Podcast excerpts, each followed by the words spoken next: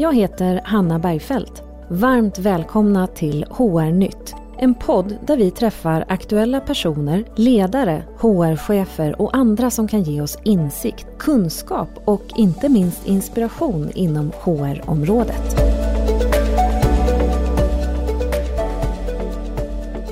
Temat för dagens avsnitt är HR i styrelser och vägen dit. Hur bidrar vi på HR?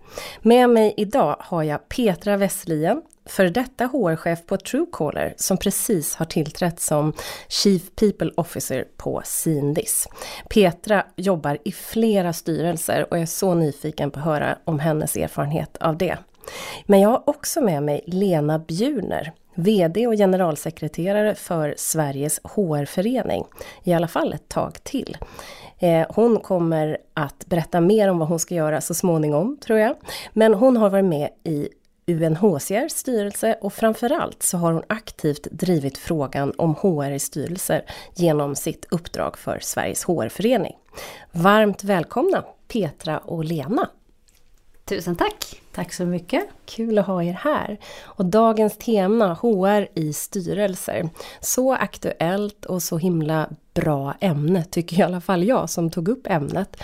Men Lena, kan inte du berätta lite grann om din roll på Sveriges HR-förening och, och de frågor som ni har drivit, där bland annat det här med styrelsearbetet har varit en av dem? Ja, men supergärna.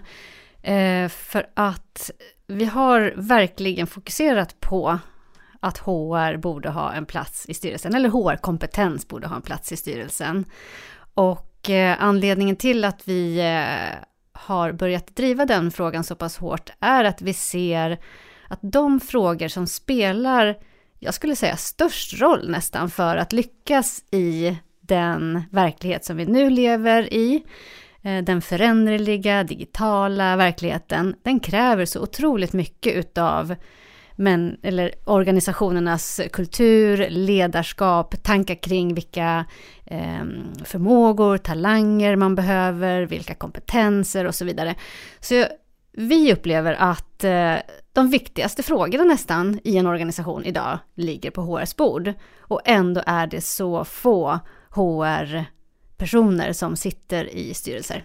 Det, det skulle vi vilja ändra på. Ja men verkligen, det vill jag också ändra på och det är lite märkligt. Men över till dig Petra. Eh, du sitter i flera styrelser och har också suttit i ännu fler. Vilka uppdrag har du just nu? Ja, idag så sitter jag i Jabi, jag sitter i Synod och jag sitter också i Institutet för människor i rörelse. Sen har jag också då precis avslutat Momentum som eh, blev eh, uppköpta och så har jag tidigare suttit i ett ytterligare SAS-bolag, Kundo. Vad häftigt! Men vad är, liksom, vilken roll brukar du ta då i de här styrelserna? Ja, men det här är ju superhäftigt. Jag tycker precis som Lena säger, HR-kompetens. Att jag sitter ju inte i styrelsen för att jag är HR. Jag sitter ju i styrelsen för att jag besitter någon form av kompetens på området. Och jag tror att det blir superviktigt att kunna komma in med frågor som eh, vad är det vi ska göra? Medvetandegöra i en styrelse också. Vad är det vi gör idag och vart är det vi ska? Fungerar det vi gör eller fungerar det inte? Så jag tror min roll blir otroligt viktig i form av att vara en facilitator. En eh, ställer väldigt mycket frågor. Och då kan man ju tycka att sitter du inte där för din kompetens, sitter du bara och ställer frågor som andra svarar på. Ja, ibland känns det ju så. Men självklart så är det också frågor på vårt område. Mm. Allt som har att göra med vilken kultur är rådande idag. Är den kulturen, medvetandegör man den och ser man då, är det här en kultur vi vill och skapar den det värde som vi är, är satta att skapa. Mm. Vad häftigt! Och det låter så enkelt när du säger det och det tänker jag att det kanske inte är alla gånger. Men vad, vad gjorde att du kom in i en styrelse från början? Ja, jag, jag, tror att första, liksom, nu är inte Johan här så han får svara själv vad som gjorde att han kontaktade mig, Johan Krona, för, för första styrelseuppdraget. Men då hade vi haft att göra med varandra på Almi. På Almi Invest och vi hade också då tittat på ledningsgrupper och grundare som då sökte finansiering. Och där och då delade vi en syn på, och han använde sig av min kompetens i form av hur ser man på ett team? Hur ser man på vilka kompetenser det här teamet behöver? Vad är det de ska göra? Vad är det de saknar? Och eh, hur realistiskt är det att de kommer uppnå det inom den här tiden? Så, och eh, det blev ju tillväxtstrategier såklart initialt. Så jag tror att det var det som var avgörande i mitt första styrelseuppdrag. Det här avsnittet är sponsrat av Försäkringskassan. Friska medarbetare är viktigt för alla företag. Därför ger Försäkringskassan bidrag till arbetsgivare så att de ska kunna anlita företagshälsovård och därmed hjälpa sina anställda vid tecken på ohälsa. Med oss för att berätta om bidraget har jag Rebecka Kolja från Försäkringskassan. Berätta om det här bidraget, Rebecka. Ja, det är ett bidrag till arbetsgivare som heter arbetsplatsinriktat rehabiliteringsstöd. Och det är till för att du som arbetsgivare ska kunna upptäcka och förebygga ohälsa hos dina medarbetare. Det kan till exempel vara att du som chef märker att en medarbetare inte mår bra. Då kan du anlita företagshälsovården för att han eller hon ska få hjälp. Tanken är att medarbetaren ska få hjälp så att ohälsan inte förvärras och leder till sjukfrånvaro. Men bidraget gäller ju såklart även för medarbetare som redan är sjukskrivna och behöver stöd för att kunna komma tillbaka i arbete igen. Vad fint det låter. Men hur mycket pengar är det man kan få? Som arbetsgivare kan du få halva kostnaden i bidrag, men som mest är det 10 000 kronor per medarbetare och år. Och vilken typ av insats är det som man kan få bidrag för då? Så länge det är insatser som syftar till att medarbetaren ska vara kvar eller komma tillbaka i arbete, så kan bidraget täcka många olika typer av insatser. Till exempel kan det handla om att en medarbetare behöver samtalsstöd om han eller hon känner stress eller mår psykiskt dåligt. Det kan också handla om att kartlägga eller utreda vilket behov av stöd en medarbetare har för att kunna vara kvar i arbete. Till exempel att anpassa arbetsplatsen eller arbetsuppgifter. Men företagshälsovården kan ju också hjälpa till att göra en plan för återgång i arbete för en medarbetare som redan är sjukskriven. Och det kan man också få bidrag för. Om man nu lyssnar på det här och eh, är intresserad av att söka det här bidraget, hur ska man göra som arbetsgivare? Det är väldigt enkelt. Arbetsgivaren kan gå in via vår e-tjänst på vår webbplats och bifoga fakturan och sen är det klart. Det låter väldigt enkelt, men hur lång tid tar det innan man får ersättningen? Inom 45 dagar. Det är ju fantastiskt.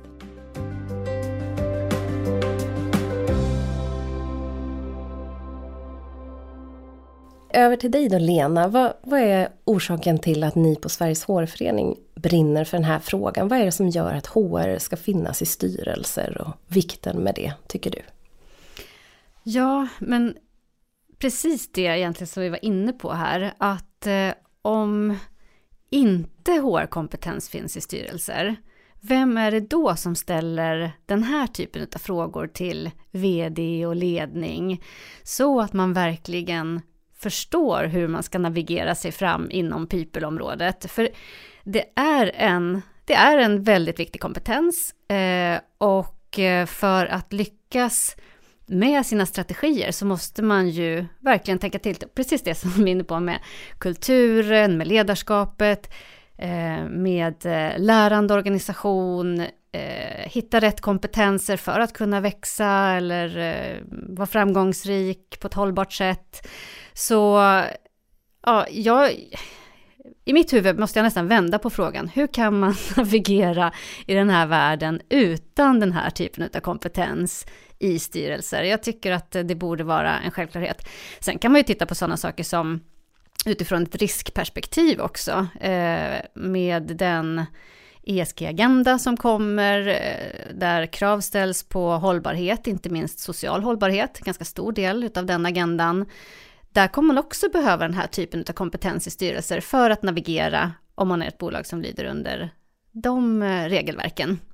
Så att jag tycker att det finns eh, otroligt många anledningar att ha HR-kompetens i styrelsen, där det i slutändan summerar ner till att man vill driva ett framgångsrikt bolag med ett hållbart resultat.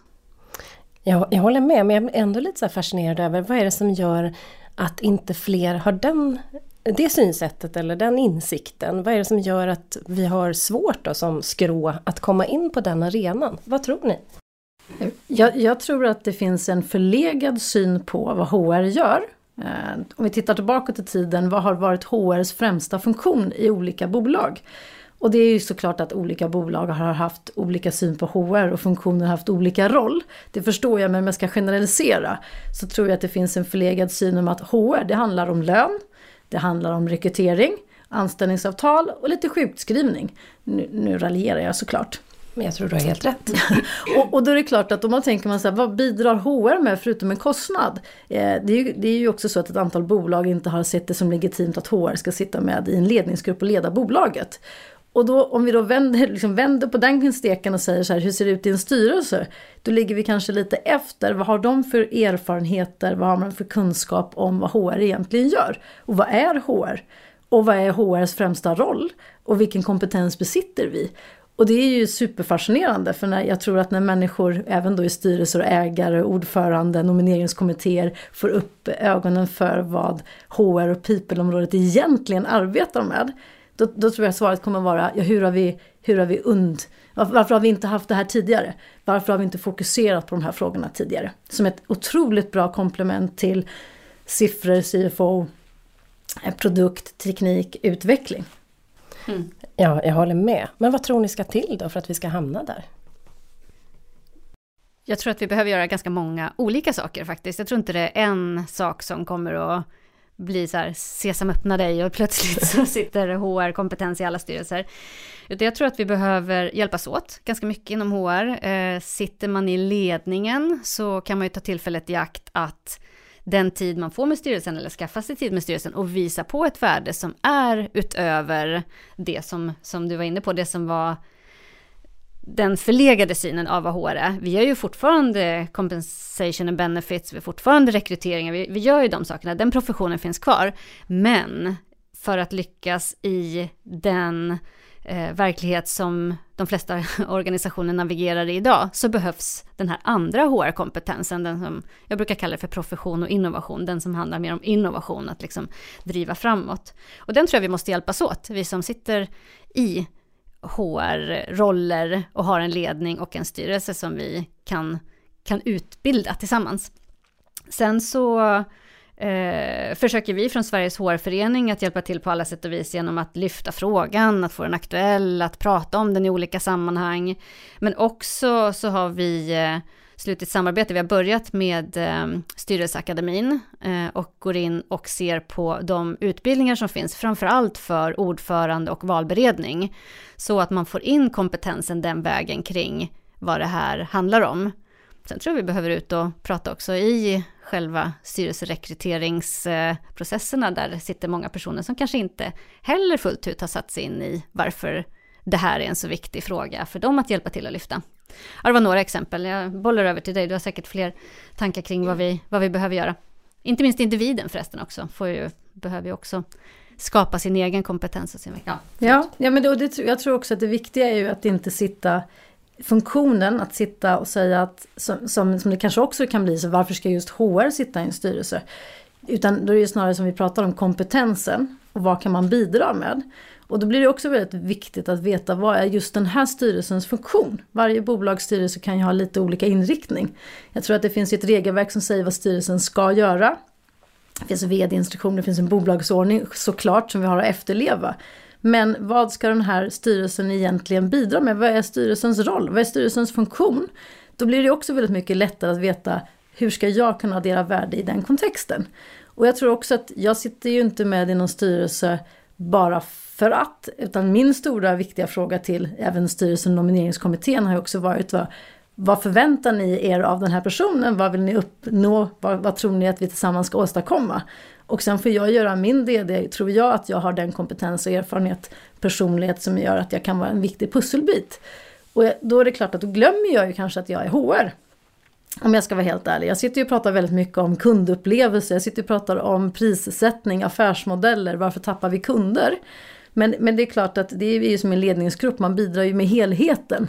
Men man har ju också då en annan kanske ryggraden säger någonstans, min ryggradsmärg säger någonstans ändå att lyfta de här frågorna. Har vi den kompetensen idag inom bolaget? Varför ser siffrorna ut som de gör? Om vi ska etablera oss på den här marknaden. Ja men okej, vad kommer vi behöva då och vilken tid ungefär tar det? Och att kunna bolla det med ledningsgruppen och en VD givetvis är ju superviktigt ifrån styrelsens håll. Verkligen. Nu svarade ju inte jag på vad vi behöver göra. Eh, utan det blev en lång utläggning tror jag som ett komplement. Men, men jag tror också att man får leda med att vara en, liksom en role model. Men jag tror också att man får kanske prata om sina erfarenheter. Jag tror också att vi får hjälpa varandra att öppna vägen för i nätverk bland annat. Att tipsa om varandra. Att i det här HR-nätverket eh, som, som finns och att man har duktiga personer i sin omgivning. Eh, och det kan vi ju tycka som en självklarhet men jag tror att vi kan göra ännu mer på att faktiskt värna om att den här kompetensen och profilen kommer in i både ledningsgrupper givetvis men självklart i styrelser också.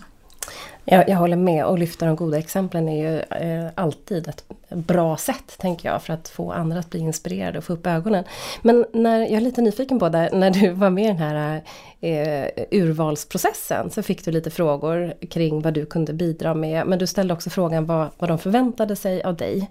Vad fick du till svar? Vad förväntade de sig av dig i din roll som styrelsemedlem? Ja, och det här, det här var ju som, som ofta skulle jag vilja säga en rekryteringsprocess så blir nästan personerna eller nomineringskommittén lite överrumplade. Eh, ja, men eh, jo, men vi tror att med din erfarenhet och man tror att liksom vi saknar någonting. Det här skopet som vi pratar om och som jag sa att Johan då som kontaktade mig också hade samma glasögon på sig. Det har inte jag kanske sett att det genomsyrat hela upplägget. Utan jag får nog bara erkänna att de gångerna jag blivit kontaktad så har det att göra med att det är en person som har haft med mig att göra. Eller som har arbetat med mig på ett sätt. Eller varit liksom med i en process där vi har jobbat tillsammans i olika bitar. Så då får man väl säga att det är en erfarenhet och liksom på något sätt en role model. Eller att man har fått, blivit exponerad. Jag tror inte att frågorna i sig har varit av den, av den liksom nivån att man har känt att wow, liksom, här har de identifierat att de saknar den här kompetensen. Däremot tror jag att man har börjat jobba tillsammans och man har förstått, oh, okej, okay, här, de här glasögonen kan man också ha på sig in i, i det här rummet, i det här bolaget, i den här resan som vi gör tillsammans. Just det. Eh, om du skulle liksom ge något tips till andra då som kommer från HR-sidan som vill göra samma resa som du, att du får vara den där role model som du pratade om. Vad skulle du ge för tips då? Vad ska de göra eller tänka på om de vill hamna i den där sammanhangen och bli aktuella för en styrelse till exempel? Ja, men först får jag också vara ödmjuk och säga att jag har haft otrolig tur eller förmån att verka inom ett område som då har varit så hett på tapeten. Eftersom min kompetens framförallt har varit i onoterade bolag. Tillväxtbolag som då har växt väldigt, väldigt, väldigt snabbt. Och som också haft lyxen att haft extern finansiering. Det är ju en lyxsituation ska vi bara säga för det första. Så att jag har haft förmånen att göra min erfarenhet och min resa inom HR tillsammans med bolag som har växt väldigt snabbt på kort tid. Och då är det klart att andra bolag som ska göra samma sak som just har fått kanske då finansiering eller står inför för en viss resa. Då, då behöver man den här kompetensen. Hur skalar man snabbt? Hur säkerställer man att eh, vi har hög retention?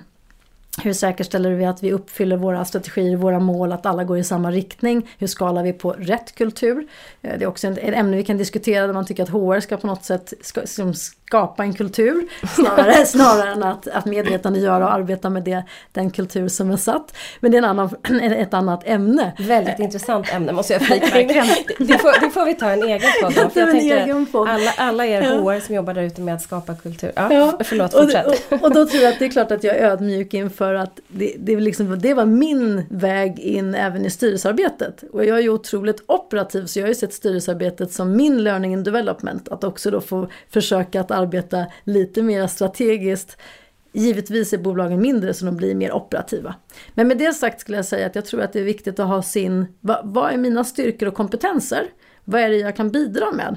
Och man behöver inte vara fullärd på något område. Jag tror att man behöver ha nyfikenhet. Jag tror att man behöver vara öppen med att vad blir min roll i det här sammanhanget? Vad är den här styrelsens roll? Vad, vad är syftet med den här styrelsen eller ledningsgruppen? Och hur kan jag bidra och addera värde i det? Jag tror att det är en första och att inte vara rädd för att jag har inte det här och det här och det här och det här och jag har inte den tekniska termerna eller siffror är inte min starka sida. Det är inte därför man är där. Det finns ofta någon med en otroligt stark finansiell bakgrund i en styrelse och i en ledningsgrupp såklart. Vilket gör att vad är min styrka och vara öppen med vad man kan bidra med. Och att resterande är lite av en läroresa. Och sen givetvis också adressera att jag är intresserad av att ta det här steget. Och jag tror tyvärr att även om vi är 2022 nätverk är en, fortfarande en, en liksom väg in. Jag önskar att det inte vore så. Jag önskar att det vore så att ren kompetens och vad du gör och den du är är avgörande. Men man måste också göra sig synlig. Och där har vi också till syfte tycker jag att hjälpa varandra, givetvis inom den här liksom HR-sfären, vi som arbetar med people på alla sätt och vis. Att också identifiera och lyfta varandra och skapa möjligheter. Verkligen, så, så himla bra. Jag tänkte bara fylla i där, eh, egentligen också, eh, på samma tema lite. Eh, det som drog igång lite att vi på ett liksom, riktigt eh, så här, eh, tydligt sätt kunde börja prata om den här frågan, det var ju ett eh, samarbete med företagen Exparang och Merit 500 som tog fram en rapport för, vad är det nu, drygt ett år sedan som visade att i Sveriges, ja det finns 533 HR-chefer i Sverige i de stora bolagen och endast 4% av dem sitter i en styrelse. Och det känns ju som att det finns en otrolig potential där att, eh, att kunna bidra mer. Och jag är helt övertygad om att ni, liksom jag, träffar på väldigt många otroligt duktiga HR-personer som sitter i ledningar idag och kanske i många fall är till och med den som är mest strategisk, eller som driver strategi i ledning, just därför att people-frågor är så kopplat till hela framtidsstrategin. Men, eh, men där tycker jag att det finns en liten nyckel, dels i att Eh, för att ta ett styrelseuppdrag så behöver man nog gärna ha jobbat i en ledning där man verkligen är en sån här T-kompetens. Att man, man är där för att man är HR-kompetens, men man liksom jobbar ju i en ledningsgrupp utifrån att man är inne och bidrar i alla frågor som, ja, som du var inne på, kundnöjdhet eller ja, allt som, som är en ledning. Så att man, man har liksom ett, eh, ett helhetstänk. Och när jag kikade lite på de här 4 procenten så såg jag att det var HR-personer som har gått in och ur lite i HR-roller. Så att eh, man har inte alltid bara varit HR, utan man har skaffat sig den kompetensen genom att också vara inne och driva operativa roller eller någon annan typ av roll. Och jag kan, tror kanske inte att man nödvändigtvis behöver vara liksom, utanför HR driva, men man behöver verkligen förstå verksamheten. Eh, HR är ens liksom, grundkompetens, men man behöver ha en affärsförståelse för att bidra i en styrelse, för att just förstå vad det är man kan bidra med, som, som vi var inne på här. Ja, men jag tror att ni har helt rätt. Eh, jag har ju inte något facit själv, absolut inte. Men jag tror precis det där att förstå affären och, och så. Som du sa också, ehm, eh, att det finns så många som kan de ekonomiska termerna och sådär, framförallt i en styrelse. Men, men tror ni att det kan finnas en osäkerhet från HR själva, liksom som, som skrå om man får uttrycka sig så? Att man inte känner sig tillräckligt säker i de sammanhangen. Att även om du säger att man måste inte kunna allt inom eh, ekonomi eller läsa ekonomiska rapporter till 100% så känner man ändå att man hamnar i ett underläge när man inte kan prata det språket. Förstår ni vad jag menar? Mm. Kan det finnas ett hinder så att man liksom själv begränsar sig från HR-sidan? Eller är det att man inte är välkommen in jag skulle nog säga att man behöver kunna prata det språket också, för man behöver kunna förstå och uttrycka sig på ett sätt så att, ja, så att man eh, använder liksom det språk som, eh, ja, som man gör i en styrelse eller i en ledning. Så, så att, eh, jag, alltså alla är ju inte redo för att kliva in i en styrelse, alla som jobbar med HR, men jag tror absolut att det finns tillräckligt många och jag har träffat tillräckligt många så vi definitivt skulle kunna göra en skillnad i, de här, eh, i den här statistiken. Eh, där det inte är så att vi håller oss tillbaka, men att vi behöver liksom eh, hitta sätten att komma in. Mm. Jag håller med om det och jag tror också att det finns otroligt många, givet hur många olika bolag det finns och hur många olika styrelser det finns med olika uppdrag och syfte. Vi alla är ju olika individer. Det här handlar ju också om både kompetens men det handlar ju också om din personlighet. Vilket jag tror att många, många kanske också då har haft en förlegad syn på HR, som vi sa i, i, i bolag, i styrelser från ägarperspektiv. Och det är klart att då finns det en liten uppförsbacke. Vad ska HR in här och bidra med? Och det är klart att det kan göra att man får en liten klump i magen, börjar tvivla på sig själv också. Vad har jag egentligen för kompetens? Men jag tror att om man då vänder på det och tittar på, återigen, vad är syftet just med den här styrelsen? Med den här sammansättningen av individer, då kanske man också på något sätt kan bryta sig igenom och förstå så här, men vänta, vad kan jag bidra med här? Ja, men det, det kan jag faktiskt. HR eller inte, men utifrån min kompetens, min erfarenhet och det jag har gjort, så i det här sammanhanget kan jag vara en viktig pusselbit. Och att inte kanske ser det som vad ska jag bidra med på i styrelsens arbete och de här har gjort det här och det här och det här och det, det har inte jag gjort och jag har ingenting att komma med. Jag tror att det finns lite rester och det är kanske inte så konstigt ifrån DNA-perspektiv från HR. Sen är det väl då kanske lite orättvist som vi pratar om att om man tittar på styrelsen att vi som, jag som inte anser mig vara riktig HR som är då är jurist i början har gjort andra typer av, av, av eh, liksom funktioner innan. Ja men fanns det, var det lättare för mig att komma in då? Ja men vad, det kanske det var på sätt och vis. Men min agenda och mina frågor som jag ställer, det är ju people. Det, det, är den jag bottnar i, så förhoppningsvis så kan ju det öka medvetenheten åtminstone och inte tvärtom. För jag tror att det är farligt att, att också eh, att det blir på något sätt normen att jo men okej om du ska vara HR i styrelse eller ledningsgrupp då ska du också ha varit ansvarig för sälj eller du ska också ha gjort det här. Och jag tror att det är jätteviktigt det som Lena är inne på att man behöver förstå affären. Men jag tror inte vi ska skapa några Iber-CVn där man ska ha Verkligen. gjort allting. Utan, och det är jag lite rädd för. Men det kanske har varit ett sätt att bryta igenom den gamla normen av, av um, förlegad syn på vad, vad People och HR egentligen har gjort under alla år. Mm. Så man måste inte vara den här Iber-människan som har gjort precis allt för att kvalificera sig.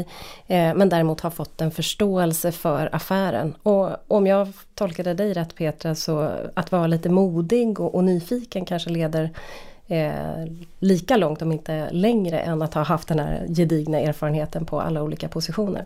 Jag tror det, men det kräver lite av en själv. Det kräver också att kunna vara, det som jag brukar säga, att, att jag är den dummaste personen runt bordet. Och då menar jag inte att jag på något sätt skulle vara eh, elak, utan snarare kompetensmässigt, att man saknar en del pusselbitar. Men att också vara villig att kunna bidra och lära sig. När man är öppen med det så är det inte heller någon som förväntar sig att du ska kunna svaren på de frågorna.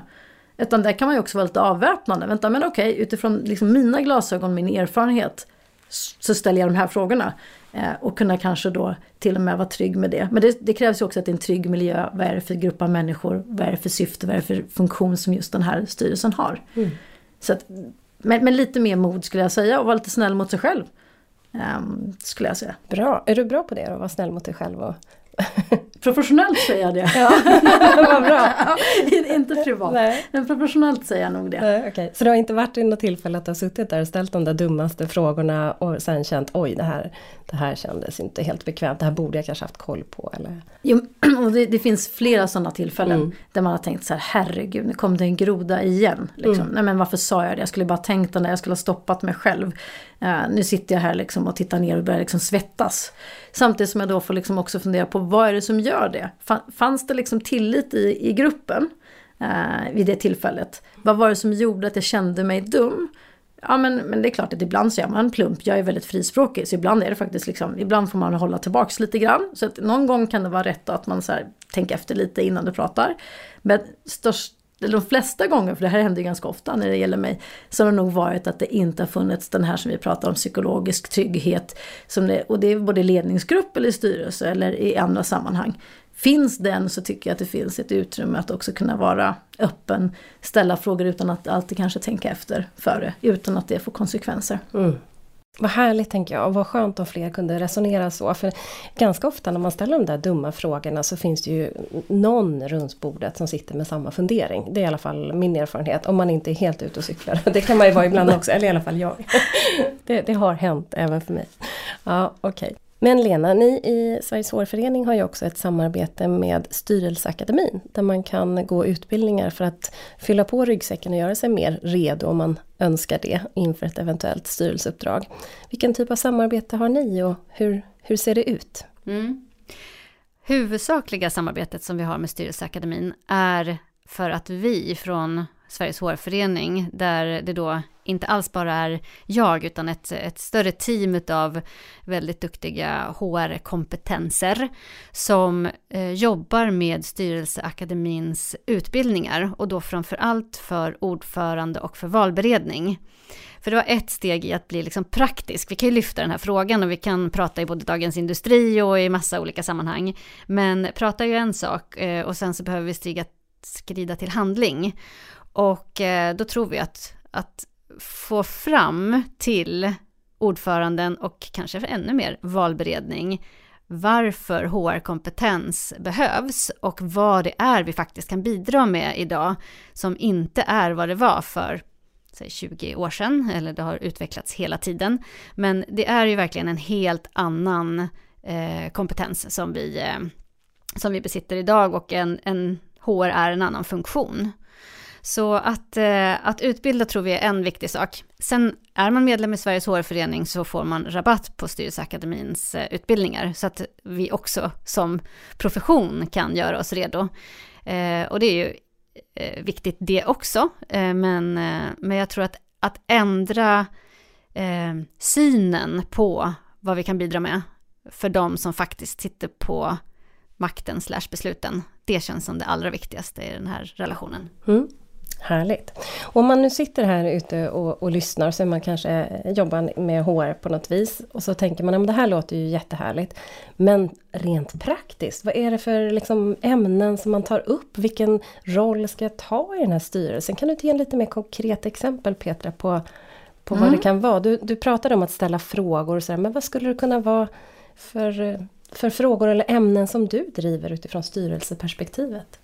Och då får vi återigen ta på oss liksom bara glasögonen av att mina uppdrag har jag ju förmånen att sitta med onoterade bolag, även om eh, det finns också två noterade, men de var onoterade på en resa med väldigt starka ägare, aktiva investerare. Vilket också gör då att det här är tillväxtresor. Så det är klart att min legitimitet i styrelserummet, den, den blir lite annorlunda givet att man sitter då och ska prata hur ska det här ske praktiskt. Det finns bara du i det här rummet som vet hur man gör. Nu förenklar jag. Men, men det är klart att det ger mig liksom en plattform som ger lite fuck off-kapital på ett sätt och vis. Så att jag är också ödmjuk inför det. Att det, det beror ju också på hur liksom verkligen styrelsen ser ut och sammansättning och vad det är man ska göra. Vilken roll man har. Men jag tror att min, min viktigaste roll i alla mina uppdrag, den är ju att vara nyfiken men att också kunna ställa frågor vid rätt tillfälle. Och det kan ju handla om till exempel ja men vänta, vi har anställt så här många säljare. Men det tar så här ledtiden innan de är upprampade och är liksom högproduktiva. Vår förväntansbild på hur mycket man ska sälja på månadsbasis.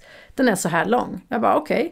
hur ser onboardingen ut? Hur ser trainingen ut av våra säljare? När får vi tillbaks return of investment för säljare? Och det, det låter ju eh, som ganska enkla frågor och det är det ju. Men det är ingen som har tänkt på det när vi sitter och pratar om det. Utan så här, hur många säljare ska vi rekrytera? Jag bara, vänta stopp. Vad är det vi har? Hur ser kapacitet ut? Funktionalitet ut? Och vad, vad är det som kommer ut i slutändan? Det är en typisk fråga som jag ställer vid, det, vid den typen av sammanhang. Den frågan ställer jag inte lika ofta i ledningsgrupp. Vilket man tycker att det borde man göra för den är en ganska operativ fråga. Den är kanske inte så högstrategisk. Så frågan var som är operativa frågor och strategiska frågor. Men, men det är en typisk sån fråga som jag tittar på. Som jag skulle säga att när, vi, när man då får siffror presenterade för sig. Och man ser en forecast på hur mycket man ska växa. Och man får också en forecast på kostnader för detsamma. Då är det en sån typ av fråga. Sen en annan fråga som är hur mäter ni idag kapaciteten? Man vill anställa 40 nya utvecklare. Jag bara okej, okay. super, vad härligt, vilket liksom, jättekul, det blir en utmaning i sig att, vi ska, att liksom, ni ska hitta den här typen av individer och attrahera dem och ha rätt typ av ersättning och rätt typ av utmaningar.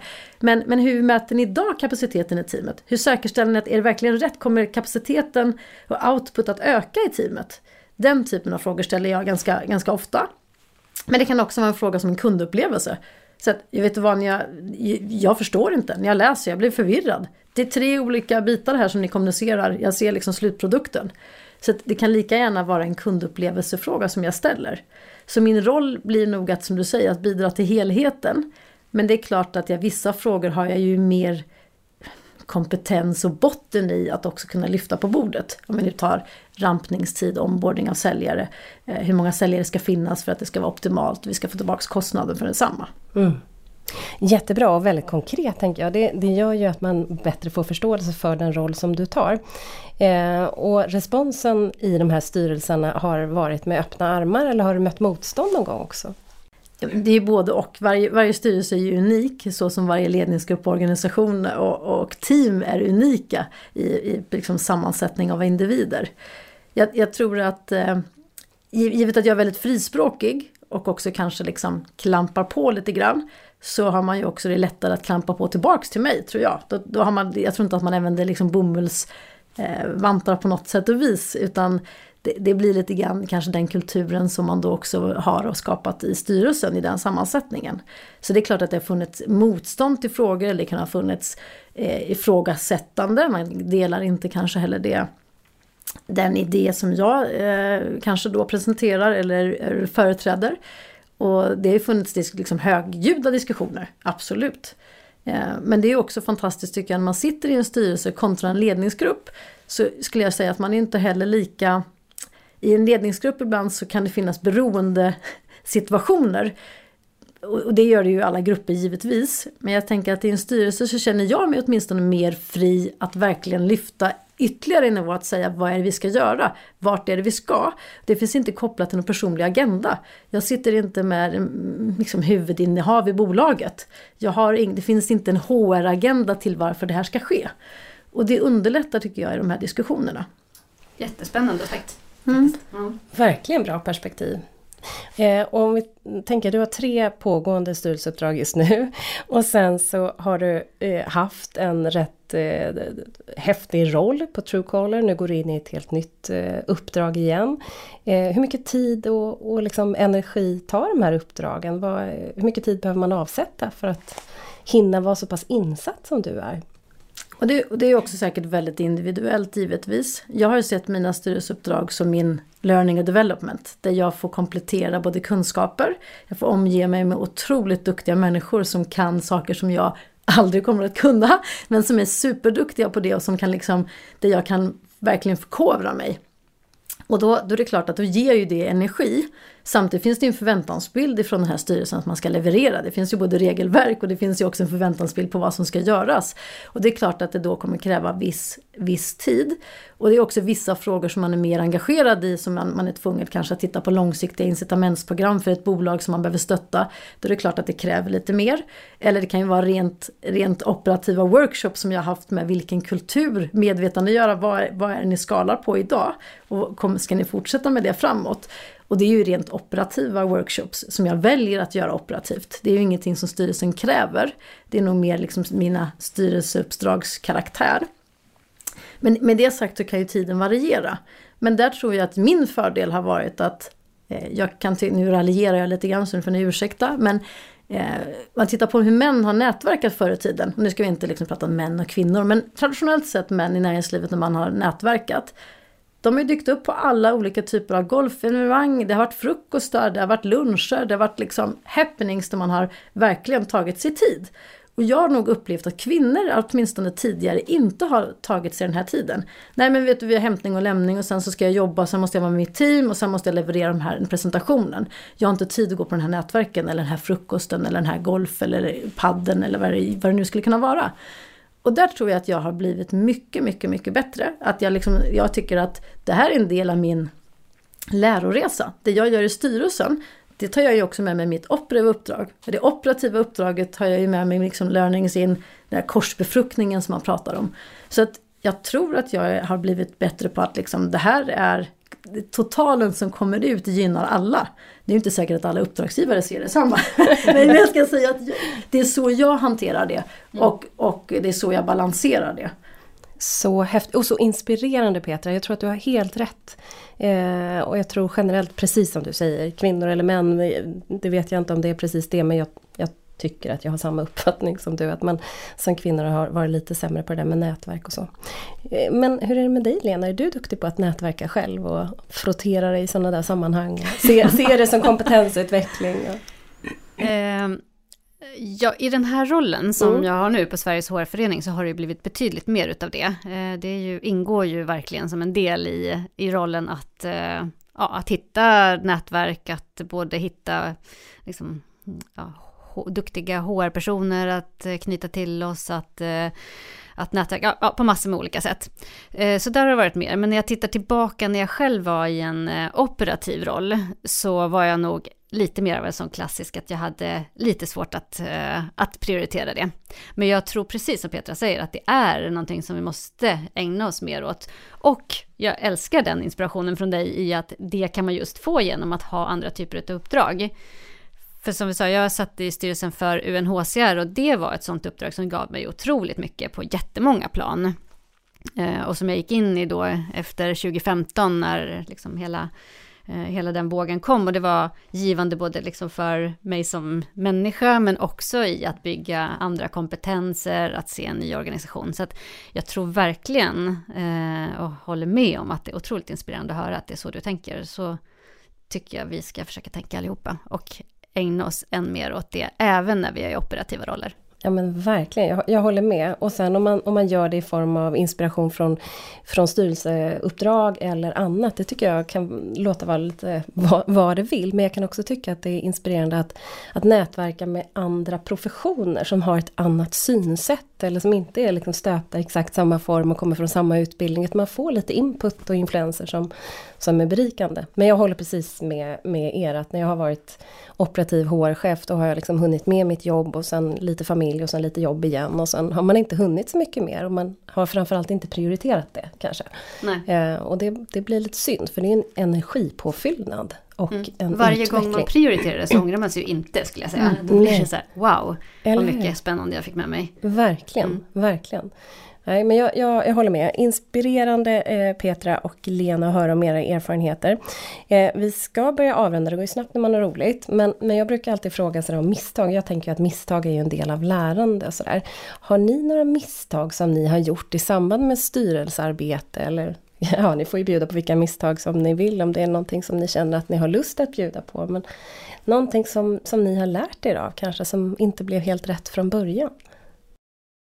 Ja, men jag, jag kan göra så många misstag. Ja. Eller kopplat just till styrelseuppdragen så skulle jag kunna säga att ett av mina uppdrag som var mitt, mitt första styrelseuppdrag. Då var det otroligt svårt att hålla fingrarna borta. I, och, och i, all, i allt, allting så att säga. Jag tror att jag också, också var väldigt mån om att visa att här ska jag addera värde, här fyller jag en funktion, liksom, här kommer jag. Så jag var nog en ångvält i att lyfta på allt. Och vad skapar det i ett, i ett möte? Ja men, ja men det är kaos, det blir liksom, du lyfter på alla bitar och antal rekryteringar och kompetenser, strategier. Och i kombination med att inte heller vara tydlig med att fråga vad är den här styrelsens viktigaste roll och funktion? Vad ska vi göra? Vad gör ledningsgruppen? Vad är förväntansbild från ägare? Och vad säger regelverket? Vad är det vi ska fokusera på? Det var ingen som hade identifierat och tittat på det. Och det gjorde inte jag heller. Jag sprang bara rakt på som en tjur och körde på och lyfte på allt för att jag var så ivrig att visa här kommer jag, nu ska jag, nu ska jag bidra. Och det, det blev ju inte bra. Det blev inte bra, det blev, skapade ju bara eh, dysfunktionalitet och ineffektiva möten. Mm.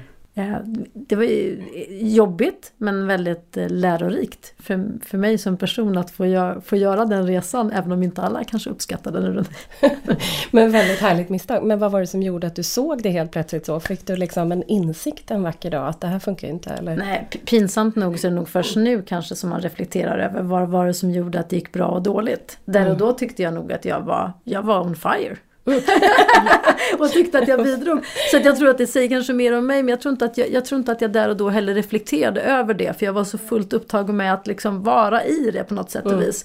Så att jag tror att det är först på senare år som jag inser vad var det som så att säga liksom i det retroperspektivet, vad fungerade och vad fungerade inte. Nej. Eh, dessvärre är det, det är ett par år sedan det, det skedde så att Ja. Du har tonat ner dig lite.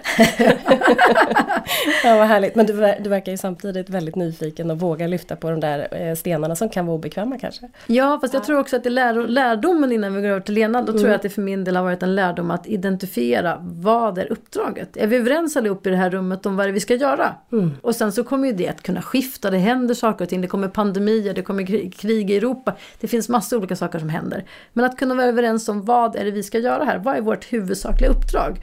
Att också kunna vara den bidragande faktorn att identifiera det. Mm. Det gör ju också att möten, vad man förväntar sig av möten och vad som kommer ut. Det var väl liksom lärdomen. Sen min yvighet den, den tror jag den, den är svår att skala bort. Men vad härligt och jag tänker det, det kommer så mycket bra konkreta tips också från dig. Allt ifrån att eh, vara nyfiken, våga vara lite synlig men också att våga, att ha, vara lite modig. Se det som en del av kompetensutveckling och nätverkande. Men en lärdom också av misstaget då att faktiskt se vad är styrelsens funktion och uppdrag i den här organisationen. Så att man inte lyfter på precis varje sten bara för att man kan. Men det är jättehärligt, tack Petra. Lena, har du något misstag som, Eller? Ja, jag bjuder gärna på ett misstag och det är lite i linje faktiskt, fast det har inte direkt med styrelse att göra, utan, men har, jag tar med mig den eh, mm. till eh, framtida styrelseuppdrag. Eh, nej men ett misstag som eh, präglade mig, har präglat mig väldigt mycket, det var när jag flyttade till Kanada och Sydamerika eh, för ett eh, HR-uppdrag. Och jag var ganska ny inom HR då också. Jag hade kanske, gick från affären och över till HR. Och sen flyttade jag kanske bara ett halvår efter över till Kanada och Sydamerika skulle ta upp det här jobbet som HR business partner. Och jag kom dit och tyckte att, eh, ja, hit the ground running, nu ska jag visa exakt vad jag går för och hur, eh, hur man jobbar eh, och gör resultat. Eh, och tog mig inte alls tiden att förstå de kulturella skillnaderna. I Sydamerika gjorde jag det, där var jag jätteförsiktig, där förstod jag att det var skillnader. I Kanada kände jag, ja, det är väl samma. Så jag körde liksom på. Eh, och nu är det i mitt fall inte så att jag flera år senare kan reflektera över att det här blev fel, utan jag verkligen smällde in i eh, kulturväggen. Så att min chef verkligen satte sig ner med mig och frågade vad jag höll på med för någonting. För jag hade liksom börjat jobba utifrån ett nordiskt sätt att jobba, ta tag i problemen, dra med de som skulle vara med och lösa utmaningar utan att inse att kulturen i Kanada var mycket mer amerikansk. Man behövde gå igenom hierarkierna till min chef som går till någon persons chef som avsätter tid för den personen och så vidare. Um, och um, ja, det, det verkligen slog liksom ner mig. Jag kände att det här var ett tufft, tufft eh, misslyckande och um, visste inte riktigt vad, hur jag skulle komma ur det som tur var så fick jag möjlighet att jobba mig vidare ur det, förstå de här kulturella skillnaderna och förstå hur jag skulle navigera för att eh, framgångsrikt kunna jobba vidare i den där rollen. Men det jag tar med mig det är att oavsett om jag skulle gå in i ett styrelseuppdrag eller jag går in i en ny roll så är det att ta mig tiden att eh, bygga relationer, att förstå olika aspekter, att liksom förstå hur man opererar framgångsrikt liksom här och hur man kan bidra. Eh, så att eh, man sen när man väl sätter fart gör det med, på rätt, både med rätt frågor och med rätt ansats och, och där man kan eh, eh helt enkelt lyckas.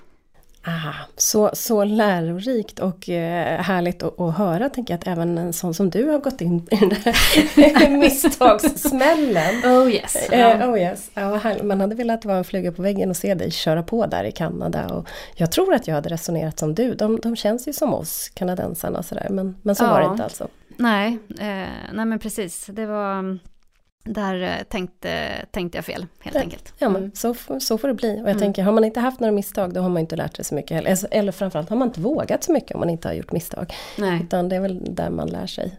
Tack snälla! Och du pratar ju också om att, att nätverk är viktigt. Det finns också en eh, utbildning via Styrelseakademin eh, som ni samarbetar med och påverkar, som kanske kan ge en mer mer eh, i bagaget om man vill ta det här steget att mm. Eh, jobba i en styrelse. För vi pratar om att sitta i en styrelse men det var någon som sa det, att det är ju faktiskt ett jobb ja. att jobba i en styrelse istället. Mm. Ja och inte minst om man idag sitter som HR i en ledningsgrupp, att, att nyttja det på många sätt för att skapa sig de kompetenser man behöver och, och det nätverk man behöver. Mm. Jag tänker, jag har hört att allt fler gör om sin compensation committee eller kompensationsutskott i de, som man har i de större bolagen i alla fall, till att bli mer people and culture-utskott. Eh, vilket jag tror är ett steg på vägen också, att, eh, att kunna prata lite om andra saker när man då sitter som HR i en ledning för att eh, få genomslag i en styrelse. Precis, jättebra. Och samtidigt få förståelse för affären och sätta sig in i fler aspekter än just enbart HR. Precis. Mm.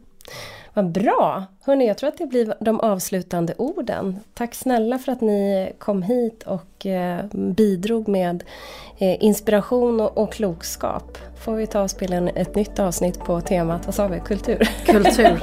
Att HR ska fixa kulturen. Ja. Det är HRs jobb. Just det. Ja, tack snälla hörni.